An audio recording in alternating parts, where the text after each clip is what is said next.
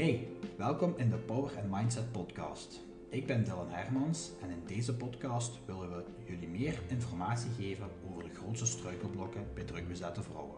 De podcast gaat over voeding, beweging, mindset en persoonlijke ontwikkeling. Ons doel is jullie inspireren om jullie beste leven te gaan leiden. Trust the process and let's get better together. Dylan Hermans hier. Welkom bij een nieuwe aflevering van de Power and Mindset podcast. Ondertussen aflevering nummer 3 met onze second coach Evelien Boers. Ik zou zeggen, voor de mensen die je niet kennen, wie zijt je en wat doe je? Hey, ik eh, ben Evelien. Ik ben, dus zoals Dylan zei, second coach binnen de masterclass. Ehm, ik ben diëtiste van opleiding, specialisatie in sportvoeding en ik heb mezelf ook bijgeschoold rond intuïtief eten. En daarnaast ben ik ook nog yogadocent. Dus ik heb een opleiding gevolgd in Hatha Yoga, waar, ja, waardoor dat ik nu dus ook yogalessen kan geven, zowel on- als offline. En uh, ik ben ook mindset coach. Ik ben heel veel bezig met spiritualiteit, mindset. En ik vind dat een heel belangrijke factor binnen mijn coaching. Dus dat is ook wel iets waar ik heel veel aandacht aan besteed. Super. Hoe zijn wij in contact gekomen? Gewoon zeg eigenlijk Het hele verhaal, ja, oké. Okay. extra dubbel checken, moet ik dat Ja. extra? Ja, ja, zeg het maar. Ja, hoe dat wij elkaar hebben leren kennen was via Tinder. Wanneer was dat? Begin, begin vorig jaar, denk ik. Nee, midden vorig jaar. Zo voor de zomer nog, hè, los voor de zomer. Ja, dat is denk ik begin vorig jaar geweest toch Ik wel? denk het zoiets, hè. een klein jaar geleden Ja, of zo. zoiets. Ehm, Tinder match. dus ja, inderdaad, gematcht op Tinder. En toen zat ik net in een fase in mijn leven dat ik ehm, heel veel aan het werken was en heel weinig tijd vond om nog te sporten, terwijl ik daarvoor wel altijd heel actief ben geweest. En ja, ik dacht van ja, Dylan, personal trainer, dacht ik ga hem een berichtje sturen. Ehm, misschien dat hij me kan helpen met mijn motivatie terug te vinden qua sporten. Ehm, ja, en zo eigenlijk aan de babbel geraakt. Een keer afgesproken. En toen is eigenlijk al redelijk snel het voorstel gekomen om samen te werken. Klopt. Nou, we zaten op dezelfde golflengte ook. En dat was direct zo van, oké, jij, jij zit diëtist, jij denkt zo. ik ben voedingscoach, ik denk zo. En dat was direct zo, oké, dat klikt op dat op Mhm. businessgebied ook. En dat was ook wel allee, belangrijk voor mij om, oké, dan gaan we business verder, zo gezegd. Ja, Toch? Ja, toch, hè? Ja, Ja, maar, voilà. En dan eigenlijk zo aan de praat geraakt inderdaad. En dan eigenlijk beslist om te gaan samenwerken. Omdat wat ik heb als profiel, als coach, heb jij niet. En wat jij hebt, heb ik niet. En dat was eigenlijk een goede Het is een mooie Synergie. aanvulling op elkaar. Hè? Voilà. Dus daarom wil ik ook dat we dat vandaag kort in de podcast ook meedelen wat, wat het precies is wat je doet. Want je noemde net een bepaalde soort van yoga. Ik ben totaal niet bezig met yoga, ik ken daar ook niet veel van. Ehm, nu geven we het inderdaad in de masterclass ook als volledig topic. Ook jij die af en toe een yoga sessie geeft online aan de dames die meedoen. Ehm, wat is het precies wat je doet en hoe ziet jij yoga en eventueel meditatie als een meerwaarde in ehm, de klanten die begeleiden en voor vrouwen die daar eigenlijk wel voor openstaan? Ja, dus gelijk ik zei, ik heb een opleiding gevolgd in Hatha Yoga. En ja, er zijn heel veel stromingen binnen de yoga. Dus dat is één bepaalde vorm van yoga, waarbij dat vooral inspanning en ontspanning elkaar afwisselen. Dus je hebt hele intensieve yoga-stijlen, waarbij dat je eigenlijk in een, vloeiende, eigenlijk in een flow van Ja. de ene houding naar de andere gaat. En je hebt hele rustige, waarbij dat je een aantal minuten in één houding blijft zitten. En Hatha is eigenlijk een beetje een combinatie van. Dus je hebt wel je houdingen, je intensieve houdingen. Meestal blijf je daar dan een halve minuut tot een minuut in. En dan gaat je door naar de volgende. Ehm, wat ook bij Hatha Yoga is, je gaat heel hard werken op je chakras. Ehm, Wat wil dus dat zeggen? Chakras zijn energiecentra in je lichaam. Ehm, en die, ja, die hebben eigenlijk invloed op alles in je leven en aan alles van, van jezelf. Dus ehm, binnen die Hatha Yoga gaat je echt specifiek werken vanuit eh, je kruinchakra. Dus je begint bij je bovenste chakra en je gaat zo naar beneden werken naar je wortelchakra toe. Dus iedere houding is afgestemd op een bepaalde chakra en ook met bepaalde klieren die dat ermee samenhangen. Dus bijvoorbeeld als je naar je keelchakra gaat kijken, daar heb je de schildklier bij zitten. Dus door bepaalde houdingen te doen, gaat je ook je schildklier stimuleren. Wat dat dan ook weer voordelen heeft naar je vertering toe, of naar je spijsvertering. Mhm. Dus dat is een beetje mooi de combinatie ook van mijn voeding en, en yoga. Dus ik vind dat dat heel mooi samenhangt. Ehm, nu, ik heb zelf gemerkt wat dat yoga mentaal doet. Nu, ik, ik heb zelf in het verleden heel veel verschillende yoga-stijlen geprobeerd. Hatha yoga was daar geen van. Geen- Dus voordat ik de opleiding deed, had ik eigenlijk geen ervaring met hatha. Oké. Maar ja, door de opleiding heb ik het dan wel leren kennen, leren appreciëren ook. En ik heb gewoon gemerkt wat dat, dat fysiek en mentaal doet. Want tijdens mijn opleiding heb ik iedere dag hatha yoga gedaan. Vier weken aan een stuk. Oké. Ehm, Dat was en- een opleiding elke dag waar je les had dan? Of? ja, ik had, eh, dat was een opleiding van vier weken. Dus een 200 uur opleiding eigenlijk. Het is vrij intensief, vier weken aan een stuk. Les van maandag tot en met zaterdag. Ehm, en dan zondag had een vrije dag. Oké. Maar ja, ik heb zelf wel wat fysieke beperkingen. Bijvoorbeeld mijn heup, rechterheup, heb ik dysplasie, eh, impingement. Dus ik heb er wel wat, wat klachten. Dus ik had daar wel een beetje schrik voor ook om dan iedere dag yoga te moeten doen daar, want het was, was wel verplicht. Maar uiteindelijk heb ik daar geen enkele last van ervaren van mijn heup. Het is, het is zelfs beter gegaan na die vier weken. Aan. Dus ehm, het heeft niet alleen zijn mentale voordelen, maar ook fysiek. En yoga wordt nog vaak gelinkt alleen aan het fysieke, maar het belangrijkste effect ervan vind ik het mentale. Ja. Omdat je dan kunt loskoppelen van je omgeving en echt kunt intunen met jezelf en met je lichaam. En ja, dat, is, dat, dat geeft je mentale rust. En dat vind ik wel heel belangrijk. Want veel mensen zien yoga als je gaat een kleermaker zit zitten met je elleboog op je knieën en je Ja, wijsvinger tegen je duim en je drie vingers in de lucht en dan met je ogen toe. Maar het is veel meer dan dat toch? Ja, Of meditatie, absoluut. yoga zien ze vaak zoals iets zweverig, maar dat is niet. Kun je daar een beetje duiding in geven wat daar de misconceptie in is? Veel mensen zien dat als yoga zo, waarom heb je dat nodig? ja, inderdaad, yoga wordt vaak gezien als eigenlijk gewoon stretchen. Ja, Ja, dat is vaak eh, daar het, komt het het- op neer. Ja, dat, hetgene wat, wat mensen wel verwarren met yoga en, en stretchen. Maar bij yoga gaat je ook je ademhaling erbij pakken. Allee, met stretchen in principe ook. Mhm. Maar bij yoga is ademhaling echt wel een centraal punt. Ehm, dus ja, dat, dat is wel het grote verschil denk ik tussen yoga en gewoon stretchen. Eh, en bij yoga gaat je niet gewoon zitten, een kleermaker zit. Ehm, nee, dus je gaat echt wel ja, echt werken. Het is, het is geen workout. Ik noem het eerder een work-in, omdat je meer naar je innerlijke, of meer met het innerlijke bezig bent en niet zozeer met het uiterlijke. Want het maakt ook niet uit hoe dat een houding eruit ziet. En ieder lichaam is anders, dus iedere houding ziet er ook anders uit bij een andere persoon. Ehm, wat dat ook wel vaak moeilijk is voor mensen. Hè? Als je bijvoorbeeld zeker. een houding, als de houding bij u afwijkt dan wat je bijvoorbeeld ziet op Instagram, ik zeg maar iets, ja, dan gaat je misschien al denken van, oh, ik doe het niet goed. Mhm. Maar het is vooral belangrijk dat het goed voelt voor je lichaam. Oh, en niet hoe dat het eruit ziet. Iedereen anders waarschijnlijk. Hè? Ja, absoluut. Is ook. Oké. En dan een stukje meditatie, ja, daar is ook nog veel misconceptie rond, denk omdat meditatie wordt vaak gezien als ook gewoon stilzitten en niks doen, niet denken. Maar het is super moeilijk om je gedachten volledig stil te krijgen. En uiteindelijk, als je binnen de yoga-filosofie gaat kijken, is mediteren inderdaad gedachteloos zijn. Mhm. Maar in de huidige maatschappij is dat praktisch onmogelijk. Of je moet al enorm ver gevorderd zijn in je meditatiepractice, waarin dat je dat wel kunt doen. Mhm. Maar mediteren is eigenlijk vooral bewust worden van je gedachten. En je gedachten eigenlijk een beetje kunnen sturen of kunnen loslaten. Dus niet meegaan in die stroom van gedachten. Dus als je tijdens de meditatie merkt van oké, ik heb heel veel gedachten door mijn hoofd stromen. Besef dat, word je daar bewust van. Maar laat die gedachten ook los. Probeer dan een beetje te zien als wolken die voorbij drijven aan een heldere hemel. Dus je gedachten komen binnen, je merkt die op, maar je laat die ook weer teruggaan. Hoe doe je dat praktisch voor mensen die dat moeilijk vinden? Als iemand zegt, gelijk ik zelf ook, ik heb er ook heel moeilijk mee. Ik zal zelfs ook uitleggen hoe ik het wel doe voor mijn eigen werk dan. Maar als iemand zegt, ik vind dat moeilijk om die gedachten te laten voorbij gaan, wat zou je dan van tips meegeven of zo? Ik zou dan persoonlijk ook letterlijk, je moet dat niet hardop gaan zeggen, maar in je hoofd zeggen van oké, ik merk op dat ik die gedachte heb. Dat is oké dat die gedachte er is, maar nu laat ik die los. En wat je dan ook kunt doen, is om je bijvoorbeeld te gaan focussen op je ademhaling. Dus dat is iets wat, wat vaak gebruikt wordt, toch wel, die techniek. Als je merkt van oké, ik zit te veel in mijn hoofd. Je ademhaling heb je altijd ter beschikking om terug in je lijf te komen en in het moment te komen. Dus terug gaan focussen op je ademhaling, op de in- op de uitademhaling, bijvoorbeeld je ademhaling tellen.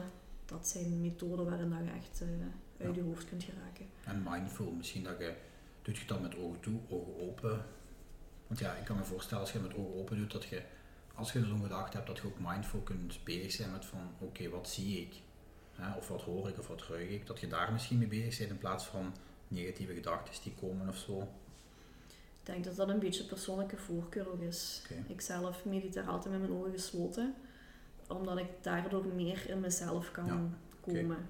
Ehm, dus ik denk dat het een beetje afhankelijk is van wat dat uw persoonlijke voorkeur is. Oké, duidelijk.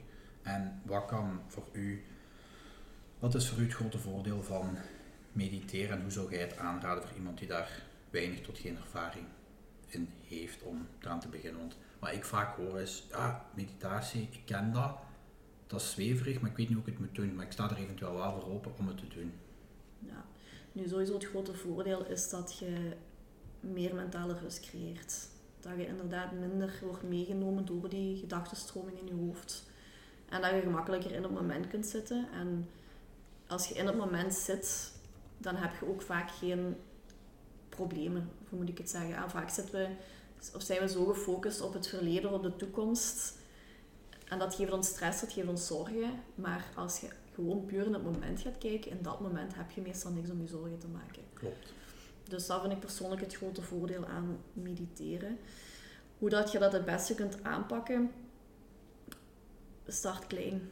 Daar, heel veel mensen hebben ook meteen grote verwachtingen. Ah, ik ga mediteren, ik ga 10 minuten, een kwartier ga ik mediteren. Maar als je dat nog nooit hebt gedaan, is dat heel lang. Dat is lang, ja. Dus ehm, zet bijvoorbeeld gewoon een timer van 1 minuut. Ga zitten met je ogen gesloten of je ogen open. Focus je die ene minuut op je ademhaling bijvoorbeeld. En kijk hoe dat, dat gaat. Als dat goed gaat, kun je die, die duur verlengen. En zo kun je eigenlijk je practice ja, van mediteren wel uitbreiden. Ehm, ja, apps. Er zijn heel veel apps die je kunt Ja. gebruiken. Ehm, meditation moments vind ik een hele goede. Dat, die gebruik ik. Ja, Want je hebt een paar weken geleden ondertussen een reel gemaakt van, ehm, van mediteren, hè, van zo'n heel zware muziek die dan Ja. op de achtergrond geeft, omdat ehm, heel veel mensen met bepaalde gedachten zitten en dan niet kunnen mediteren. Ja, ik doe dat heel eerlijk gezegd, 's morgens als ik een douche pak, zet ik dat gewoon op inderdaad 1 minuut, 2 minuten, 3 minuten, 5 minuten, omdat ik ben niet het type dat kan gaan zitten en dat gewoon kan doen gelijk jij. Je zit er natuurlijk veel verder dan mij. Maar ik sta er wel voor open. Ik merk wel dat dat moment wat je hebt, die 1 minuut, 3 minuten, ook wel u een inzicht geeft voor de rest van je dag te starten. Alleen voor mij is morgens dan. Ook al is het maar 3 minuten van oké, je zit opgestaan, je moet dankbaar zijn en je luistert gewoon. Hè. Nu is dat van Michael Pilarczyk Meditation Moments, maar er zijn ook veel niet betaalde applicaties. Ehm, ik kom nu niet op de naam, maar we hebben er eentje in de masterclass die we ook aanraden die gratis is. Ehm, ze kunnen het ook gebruiken bij ons in de applicatie van, van voeding en training, automatisch. Maar ja, dat vind ik zelf ook niet gemakkelijk voor daar naartoe te geraken. Misschien dat ik ook op een punt kom dat ik dat ook kan doen gelijk jij. Maar dat is wel wat werkt voor mij. Want veel mensen stellen de vraag van hoe doe jij dat? Onder de douche met een app. Dat werkt voor mij. En je moet ergens beginnen. dat. Allee, je kunt niet verwachten dat je ehm, in zoveel jaar in Tibet gaat kunnen zitten met al die monniken bij wijze van spreken. Dat is ook niet de bedoeling. Ik vind het gewoon belangrijk voor mijn visie daarop is gewoon inderdaad gelijk je zelf aangeeft. In de prestatiemaatschappij van nu is het opstaan en vlammen, vlammen, vlammen, vlammen. Opstaan, ehm tanden poetsen, kinderen klaarmaken, naar school brengen, werken, in de file staan, aan de bureau zitten, terug eh, eten maken s'avonds, dan nog misschien eens, weet ik veel wat je allemaal te doen hebt, huishouden. En voordat je bezig je dag gevuld. En die drie of vijf minuutjes of hoe lang het ook is, dat je dan even in het nu terugkomt, dat kan wel een heel verschil maken op Mhm. lange termijn, als je dat consequent doet. Ja, absoluut. En je kunt, ook, je kunt dat ook op eender welk moment van de dag doen. Ja. Als je bijvoorbeeld merkt dat je een hele stresserende dag hebt gehad, je, komt, allee, je stapt in je auto, ik zeg maar iets, je hebt gedaan met werk, je stapt in je auto, je moet heel even ontstressen.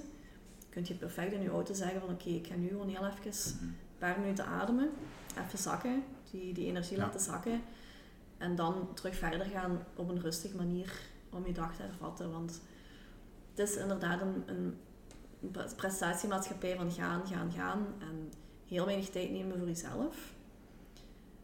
Maar dan gaat je zelf uiteindelijk gewoon voorbij lopen en daar maak je niemand blij mee. Ook je partner niet, je gezin Klopt. niet, je vrienden niet. Ja. Eh, als je niet voor jezelf kunt zorgen, hoe kun je dat dan voor iemand anders? Voilà, dat is dus wat ik bedoel. Hè. Ja, daarom komen we ook goed overeen. Hè. Ja. het is ook zo vaak van nee zeggen tegen iemand anders is ja zeggen voor jezelf. En gelijk je zelf aangeeft, als je zelf niet 100% in je eigen kracht staat, hoe gaat je dan een goede partner of een goede mama kunnen zijn? Niet dat je dat nu per se niet zijt, in sommige vrouwen geval, maar hoe beter je zelf bent, hoe beter je nog in je rollen in je leven gaat kunnen functioneren.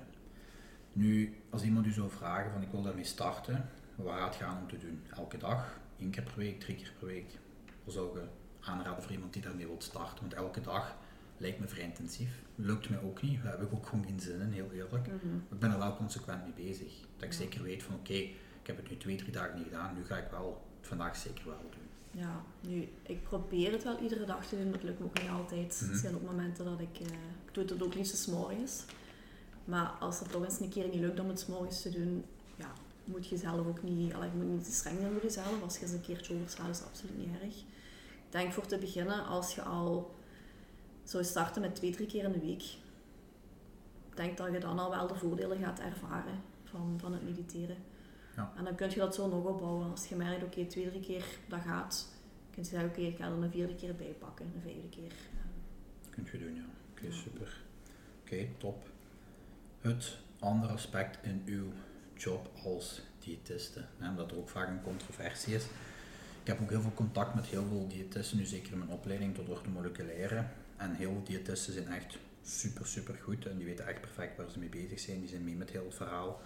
Maar ik heb ook vaak klanten die, jij zult ook wel hebben ervaren, hè, die aankomen van iemand anders of ja, die, die, die, toekomen bij u bij, van iemand anders die zeggen ja, ik kom van een diëtist en ik heb 1200 calorieën moeten eten of ik mocht dit, dit, dit en dit niet. Hoe ziet jij het hele concept van iets niet mogen of zo weinig moeten eten als diëtist zijn? en dan? Ik zal ook nooit als diëtist zeggen tegen mijn cliënten van, je mag dat niet eten. Ik vind dat alles kan, alles mag in een bepaalde verhouding. Ik vind dat je over het algemeen wel een gezonde balans moet hebben. Maar ook voeding die dat beschouwd wordt als slecht. Like, ik zeg inderdaad tussen haakjes. Want er is in mijn ogen geen voeding dat goed is of slecht. Dat wordt vaak nog wel zo bezien. Ah, groenten en fruit is goed en chips, chocolade dat is slecht. Maar in principe, af en toe eens een keer een chocolaatje eten of een beetje chips, dat is dan weer goed voor je mentale welbevinden. Klopt. Het is misschien iets minder voedzaam voor je lichaam, maar soms moet je ook denken aan je mentale welbevinden. Ehm allee, dat is, dat is super belangrijk, Tuurlijk. dat mentaal Ja, dat is welbevinden. menselijk, hè? Allee. Dus ehm, ja, ik zal nooit, nooit iets verbieden. Ja. Ik zal altijd wel ervoor zorgen dat je gewoon Allee, Ik vind die gezonde relatie met voeding heel belangrijk. En dat is iets wat heel veel mensen, heel veel vrouwen niet hebben. Ehm, omdat ze net door alle diëten die ze gedaan hebben, hebben ze regeltjes opgelegd gekregen. En die regeltjes, ja, die zijn in hun hoofd waarheid geworden. Wat bedoel je? Kun je daar een Eh. voorbeeldje van geven? Zo'n regeltje bijvoorbeeld. Eh, ja, bijvoorbeeld, ik mag, ehm, ik moet zo weinig mogelijk koolhydraten eten. Dat hoort je zo vaak. Ja, dat is, dat is echt een hele typische. Ik hoor dat Ja. bijna dagelijks. Maar ja, je lichaam heeft koolhydraten nodig. Dat is zo. Je, allee, qua, je moet natuurlijk zien dat je daar ook weer niet mee overdrijft. hè. Je moet zeker zien Ja. Mhm. dat je die gezonde balans houdt. Zeker. Maar ja, koolhydraten, dat merk ik toch nog dat dat heel vaak gezien wordt als iets slechts. Ehm, dus dat is zo'n regeltje wat wel heel veel mensen hebben, dat hoor ik echt super vaak voorbij komen. Ehm, nu ben ik mijn draad even kwijt. Nee, nee, is niet erg.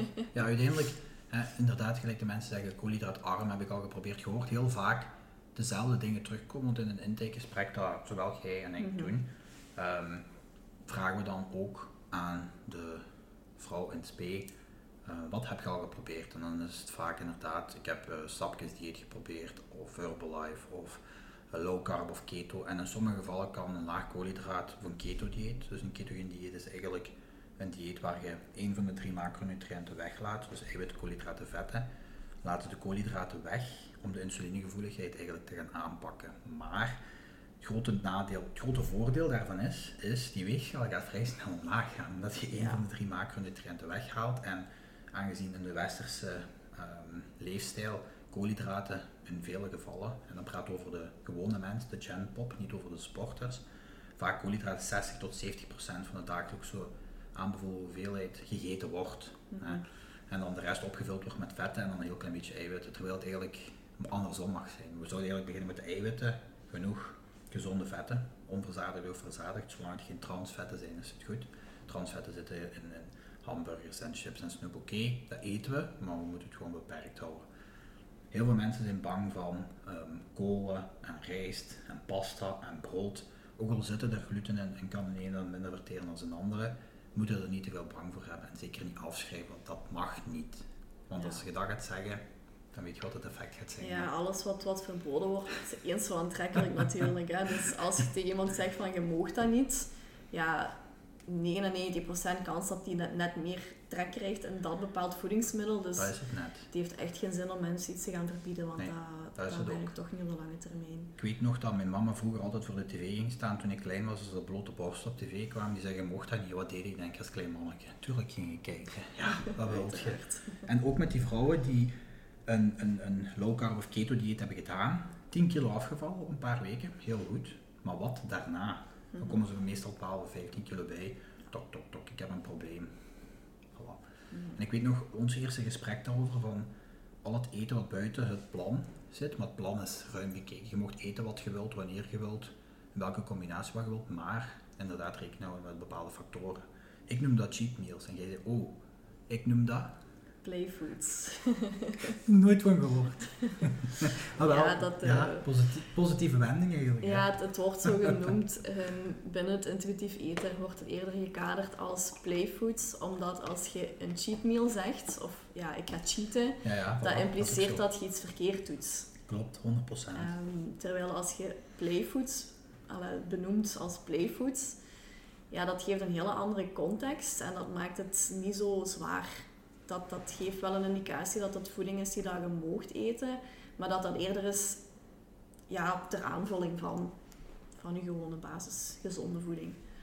Klopt. En puur basis gezien, er komt een vrouw bij u, die verschillende problemen. Hoe pakt jij het voedingsgebeuren aan? Heb je een bepaald protocol? Heb jij een bepaalde structuur dat jij die klant zal begeleiden, zo gezegd? Gelijk, als iemand bij mij aankomt bijvoorbeeld, kijk gewoon van oké, hoe is uw voedingsstructuur nu een beetje? Intoleranties, allergieën, eventueel kijken van wat, wat gaat, wat gaat niet, omdat toch merk ik, 7 op de 10 mensen zijn echt wel gluten- of lactose intolerant, dat je daar al een heel grote factor van kunt, alleen rekening mee kunt houden. En dan kijk ik gewoon hoeveel eetmomenten voor hun praktisch zijn. En van daaruit ga ik gewoon verder dat ik een bepaald macro-profiel opmaak en een bepaald aantal calorieën opmaak, maar dat het vaak wel meer is dan dat ze zelf zouden denken. Zo werk ik. Hoe zou jij dat aanpakken? hoe heb je dat meestal aangepakt? Ehm, ik ga ook altijd vertrekken vanuit het huidige e-patroon van mijn, van mijn cliënten. Hm. Ik ben niet zozeer degene die meteen gaat, gaat, een, gaat een calorieënplan opstellen, dat niet. Ik vertrek meestal vanuit het huidige e-patroon. Ehm, ik ga kijken waar dat de grootste knelpunten liggen. En die ga ik als eerste aanpakken. Ja, en ik begin ook, doe het ook stap voor stap. Ik ga geen twee, drie dingen tegelijk aanpassen.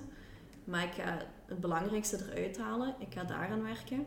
En als ik merk dat mijn cliënten dat onder de knie hebben, dan ga ik het volgende erbij pakken. En zo ga ik eigenlijk stap voor stap ervoor zorgen dat mijn cliënten eh, andere gewoontes eigenlijk krijgen. Dus vooral een aanleren van een nieuwe levensstijl. Niet dat ze het gevoel hebben van, oh, ik ben op dieet, ik mag bepaalde dingen niet eten. Of ik moet het precies op die manier doen. Mm maar dat ze wel inderdaad gewoon een, gewoontes gaan aanpassen, dat dat, zodat ze dat op de lange termijn ook kunnen blijven doen. Want dat is het probleem met diëten. Je krijgt heel sterk regeltjes opgelegd. Ja. Uh, je gaat dat inderdaad voor een korte periode kunnen doen. Maar na verloop van tijd ja, gaat je dat toch niet kunnen volhouden. Um, volhouden.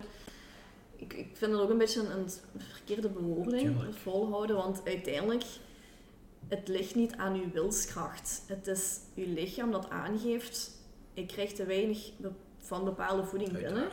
Dus je lichaam gaat het signaal geven van, geef mij meer van dat.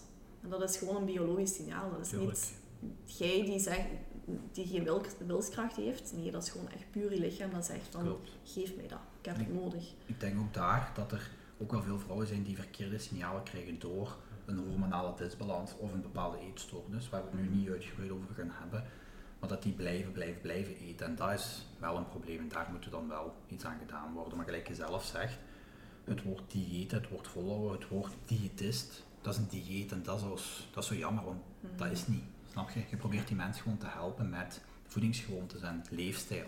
Ja, dan krijg ik heel vaak te horen ja, zeker mijn vorige job, um, waar dat ik wel als klassieke diëtiste werkte met één op één consultaties. Ja, vaak zeiden, zeiden de cliënten dan tegen mij van, goh, ik wou eigenlijk niet naar een diëtiste gaan, omdat ik dan op dieet moest. Ja, dat is jammer. ja, inderdaad. Maar dat, dat, ja, dat zeg maar dat, dat, dat is zo en dat gaat nog even duren eer dat eruit is. Dus gelijk melk goed is voor de botten, dat gaat nog even blijven eer dat eruit is, snap je? Mm. Maar ja, dat komt wel uiteindelijk. Ik had wel, dat is al wel een tijdje geleden gehoord, dat ze misschien alle dat aan het nadenken waren over de term diëtisten, om die te blijven gebruiken of niet. Maar... Ja, hoe gaat je het noemen? En dat is ook zo waar ik in de, ik denk de eerste of de tweede podcast, denk ik, uh, ook uh, over heb gehad van, um, of in een interview met iemand anders, ben je 100% zeker van de namen. Hoe gaat je iemand noemen die met voeding bezig is? Is dat een voedingdeskundige? Is dat een personal trainer? Is dat een health coach? Voedingscoach? Wat is het? Snap je? Er is een fitcoach, weet ik veel, er worden zoveel namen gebruikt. En als Genpop, die niet bezig is, bezig is met voeding en training, wat is het allemaal? Snap je? En dat wordt, dat wordt het ook moeilijk. Hè. Dus dat is ook een job van ons om naar buiten te brengen van wie je bent en wat je doet. En ik merk vaak dat je mag nog zoveel diploma's hebben, als je niet toepast wat je kent en wat je weet en je uit ervaring kunt babbelen, dan maakt het allemaal niet uit. Dan mocht je nog diëtist, een orthomoleculaire therapeut zijn, een personal trainer, een dokter en als je het niet weet of niet kunt toepassen, dan stopt het verhaal. Hè. Mm, dus. En ik, het laatste stukje wat ik zeker nog wil aanhalen is inderdaad, wij werken nu een paar maanden, een half jaar al samen, een paar maanden met mhm. een half jaar. Ehm, het stukje van intuïtief eten is totaal niet mijn ding. Ik heb daar geen ervaring mee, ook heel weinig kennis over. Ik ken het. Ik heb er nu nog iets meer over leren kennen door met u in contact te komen. Maar wij, hoe gaat je het zeggen, wij sharen nu klanten zo gezegd. Wij delen klanten. Um, omdat er toch wel vrouwen bij zijn die echt wel met bepaalde mentale struikelblokken zitten. Eetstoornissen, ik vind ook zo'n zwaar woord weer. Ja. Maar dat ik zoiets heb van, ik heb heel veel kennis, heel veel ervaring en ik krijg het altijd wel opgelost. Maar nu delen we die klant eigenlijk en coachen we die samen. Nu de bedoeling is ook en dat jij, hoe je ook, klanten gaat gaan coachen. Maar het intuïtief eten aspect, wat is dat? Ja. is intuïtief eten, dat zou misschien in eerste instantie weer klinken als een nieuw dieet, wat dan op de markt is gebracht. Maar het is alles behalve een dieet. Het is vooral, um, of ja, binnen het intuïtief eten zijn er tien principes ja. om ervoor te zorgen dat vooral je relatie met voeding betert. Oh, oké. Ehm, dus het zijn geen regeltjes die dat je moet volgen, maar het zijn wel um, leidraden hoe dat je je relatie met voeding kunt verbeteren. Want ik merk zo vaak dat vrouwen zo'n slechte relatie hebben met voeding. Ja, dat is ook ehm, zo. Heel veel gefocust ook op dat gewicht, op dat cijfer op de weegschaal. Schrikkelijk. Um, en dat geeft vrouwen zo vaak een slecht gevoel mentaal. Dus ja, die gaan s'morgens op de weegschaal staan, ze zien een getalletje wat hoger is dan een dag ervoor en heel die hun dag is om zeep. Yep. Maar dat getalletje op de weegschaal wil, niet, wil niks zeggen over u als persoon. Dat zegt niks over wat je kunt, wat je waard bent, wat dat je betekent voor iemand anders. Hoe eruit ziet. Um, ja, ik zeggen. Nee, klopt. Dus laat dat getalk op de weegschaal alsjeblieft uw dag niet bepalen, want dat, het wil niks zeggen. Het wil absoluut niks zeggen. Maar het wordt wel nog altijd heel vaak als referentiepunt genomen en heeft ook heel vaak gewoon invloed op dat mentale welbevinden. Klopt. En door dat intuïtief eten gaat je een betere relatie krijgen met je lichaam, met voeding, de weegschaal proberen we eigenlijk aan de kant te laten. Mhm. Dus eigenlijk niet te wegen. Um, om er gewoon voor te zorgen dat je jezelf gewoon leert accepteren en dat je tevreden leert zijn met je lichaam. Want je hebt het lichaam gekregen en je kunt je niet vergelijken met iemand anders, want die heeft een ander lichaam, die heeft een andere bouw.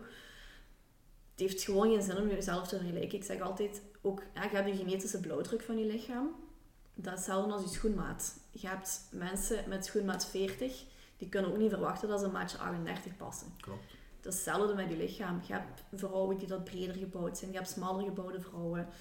Je moet je lichaam leren accepteren hoe dat het is. Maar dat wil niet zeggen dat je niet kunt werken naar een betere versie van jezelf. Klopt.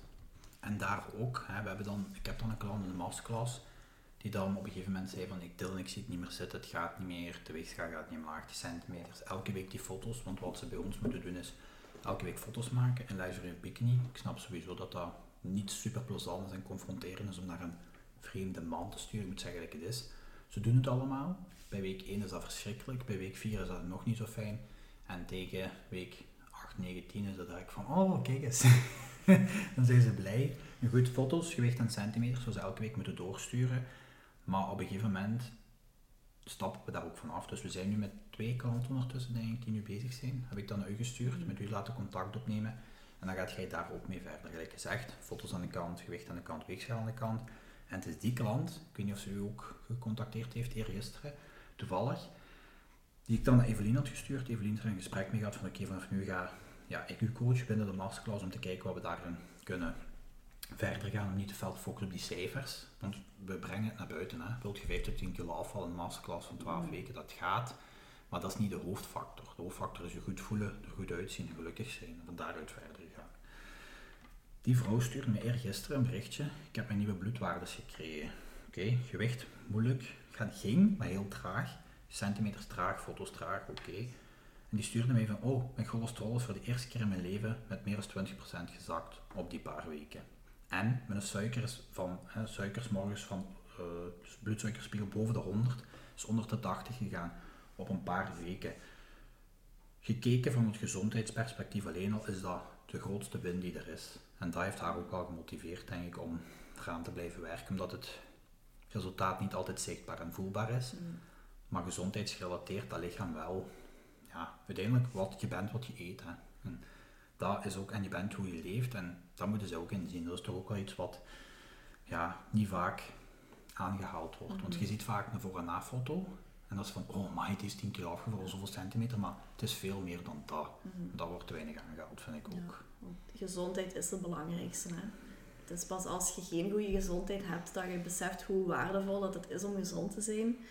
Maar dat wordt vaak wel op de achtergrond geschoven. En dat cijfer op de weegschaal en dan die centimeter, die foto's, dat blijft nog vaak ja, je primaire focus. Maar uiteindelijk, als je gezondheid erop vooruit gaat, ja, dat is de grootste winst die dat je kunt maken. Akkoord. Top. Is ook zo. Daarom dat ik ook die opleiding ben beginnen doen als orthomoleculair, om daarin nog meer beter inzicht te krijgen. Dus vandaar. Oké, is er nog iets dat je wilt meedelen? Vragen, suggesties, opmerkingen? Ja, we zijn zo wel bezig geweest over het, het mentale stuk, het mediteren. Ehm, wat is bij u zo de trigger geweest om daarmee te beginnen? Of? Omdat ik zelf nu ook, en dat is voor veel mensen die dat waarschijnlijk nog niet weten, maar ik ga het toch ooit moeten vertellen. Um, ik ben er nu wel de laatste anderhalf jaar veel mee bezig, omdat er privé ook wel wat um, struikelblokken zijn geweest. En ik heb een heel stressvol leven gehad de laatste jaren, vier, vijf jaar nu door bepaalde privéomstandigheden. En dit jaar hebben ze dan ook officieel tinnitus vastgesteld en de ziekte van Meniere. Dus voor mensen die niet weten wat het is, zijn oorsuizing en evenwichtstoornissen door te veel stress in het koppetje en dan begint dat. Dat is normaal, ja, want je blijft constant daarin zitten als dat dan niet uitkomt. Nu probeer ik daar deels door te mediteren en door de orthomoleculaire opleiding te doen een oplossing voor te zoeken. Dus dat vind ik ook wel heel belangrijk. Maar ja, mensen onderschatten gezondheid. Als je gezondheid goed is, is dat goed en wel. Maar als het dan niet goed is, dan, gaan, dan gaan ze pas kijken. Het probleem, en ze gaan eerst het probleem en dan pas gaan ze een oplossing te zoeken, terwijl je eigenlijk gewoon preventief moet te werk gaan. En ze te vaak bij de oorzaak zoeken, terwijl de oorzaak niet de oorzaak is van het probleem, maar de oplossing. Zo snap je, dus dat is ook weer mhm. zo. Ja, maar dat is een beetje waarom ik ermee begonnen ben. En gewoon als verrijking van jezelf als persoon vind ik toch wel het grootste voor mij persoonlijk. En als we dat dan nu, ik voelde mezelf ook niet klaar om dat aan de klanten te geven, dus alles gebeurt van reden. We zijn elkaar mm. tegengekomen, we zijn erin samen doorgegaan en we gaan er nog heel, heel veel tijd en moeite in steken en heel veel in groeien de komende weken, maanden en jaren. En ja, vandaar ook dat we de podcast doen, hè, om daar ook weer toch een open gesprek in te kunnen hebben en door niet altijd korte ehm, fragmentjes te moeten opnemen of dat hier ook gewoon open gebabbeld kan worden als inform informatief kanaal, zo gezegd. Dus dat is ook wel belangrijk. Wij zijn natuurlijk ook gewoon mensen met onze eigen struggles en, en hetgene wat wij meemaken, dat, dat gebruiken wij dan ook eigenlijk in onze coaching. En dat, maakt ons beter als, als mens, als coach, om andere mensen er ook in te ondersteunen en te begeleiden. Dat is het net. Hè. Mensen zien u vaak of mij vaak en die gaan denken van ja, die voeding is op punt en merp, die voeding is op punt en fysiek gezien hebben die geen klachten en Maar mensen zien altijd iets, een eindresultaat, maar die zien niet wat de weg is geweest en die zien niet wat daar achter de schermen gebeurt. Jij hebt je struggles, ik heb mijn struggles en we borstelen daar ook elke dag mee. En die ervaring kunnen we dan inderdaad ook meenemen. Bij, bij ons is ook niet alles perfect, verre van, zelfs in mijn geval. Ja, absoluut. Maar dat weten mensen niet. En daarom is die podcast ook belangrijk om dat soms eens naar de voorgrond te brengen. Dat je zeker niet de enige bent met klachten, fysiek, mentaal, shit, weet ik veel wat. Dat is toch gewoon, dat is gewoon belangrijk, klaar. Dus moesten er mensen zijn die meer willen weten over meditatie, yoga, intuïtief eten, waar kunnen ze u vinden op socials? Ehm, op Instagram ben ik te vinden onder de naam Balance by Evelien. En op Facebook gewoon Evelien Boers. Ben Super. B-O-U-R-S, hè. Ja, op zijn Frans.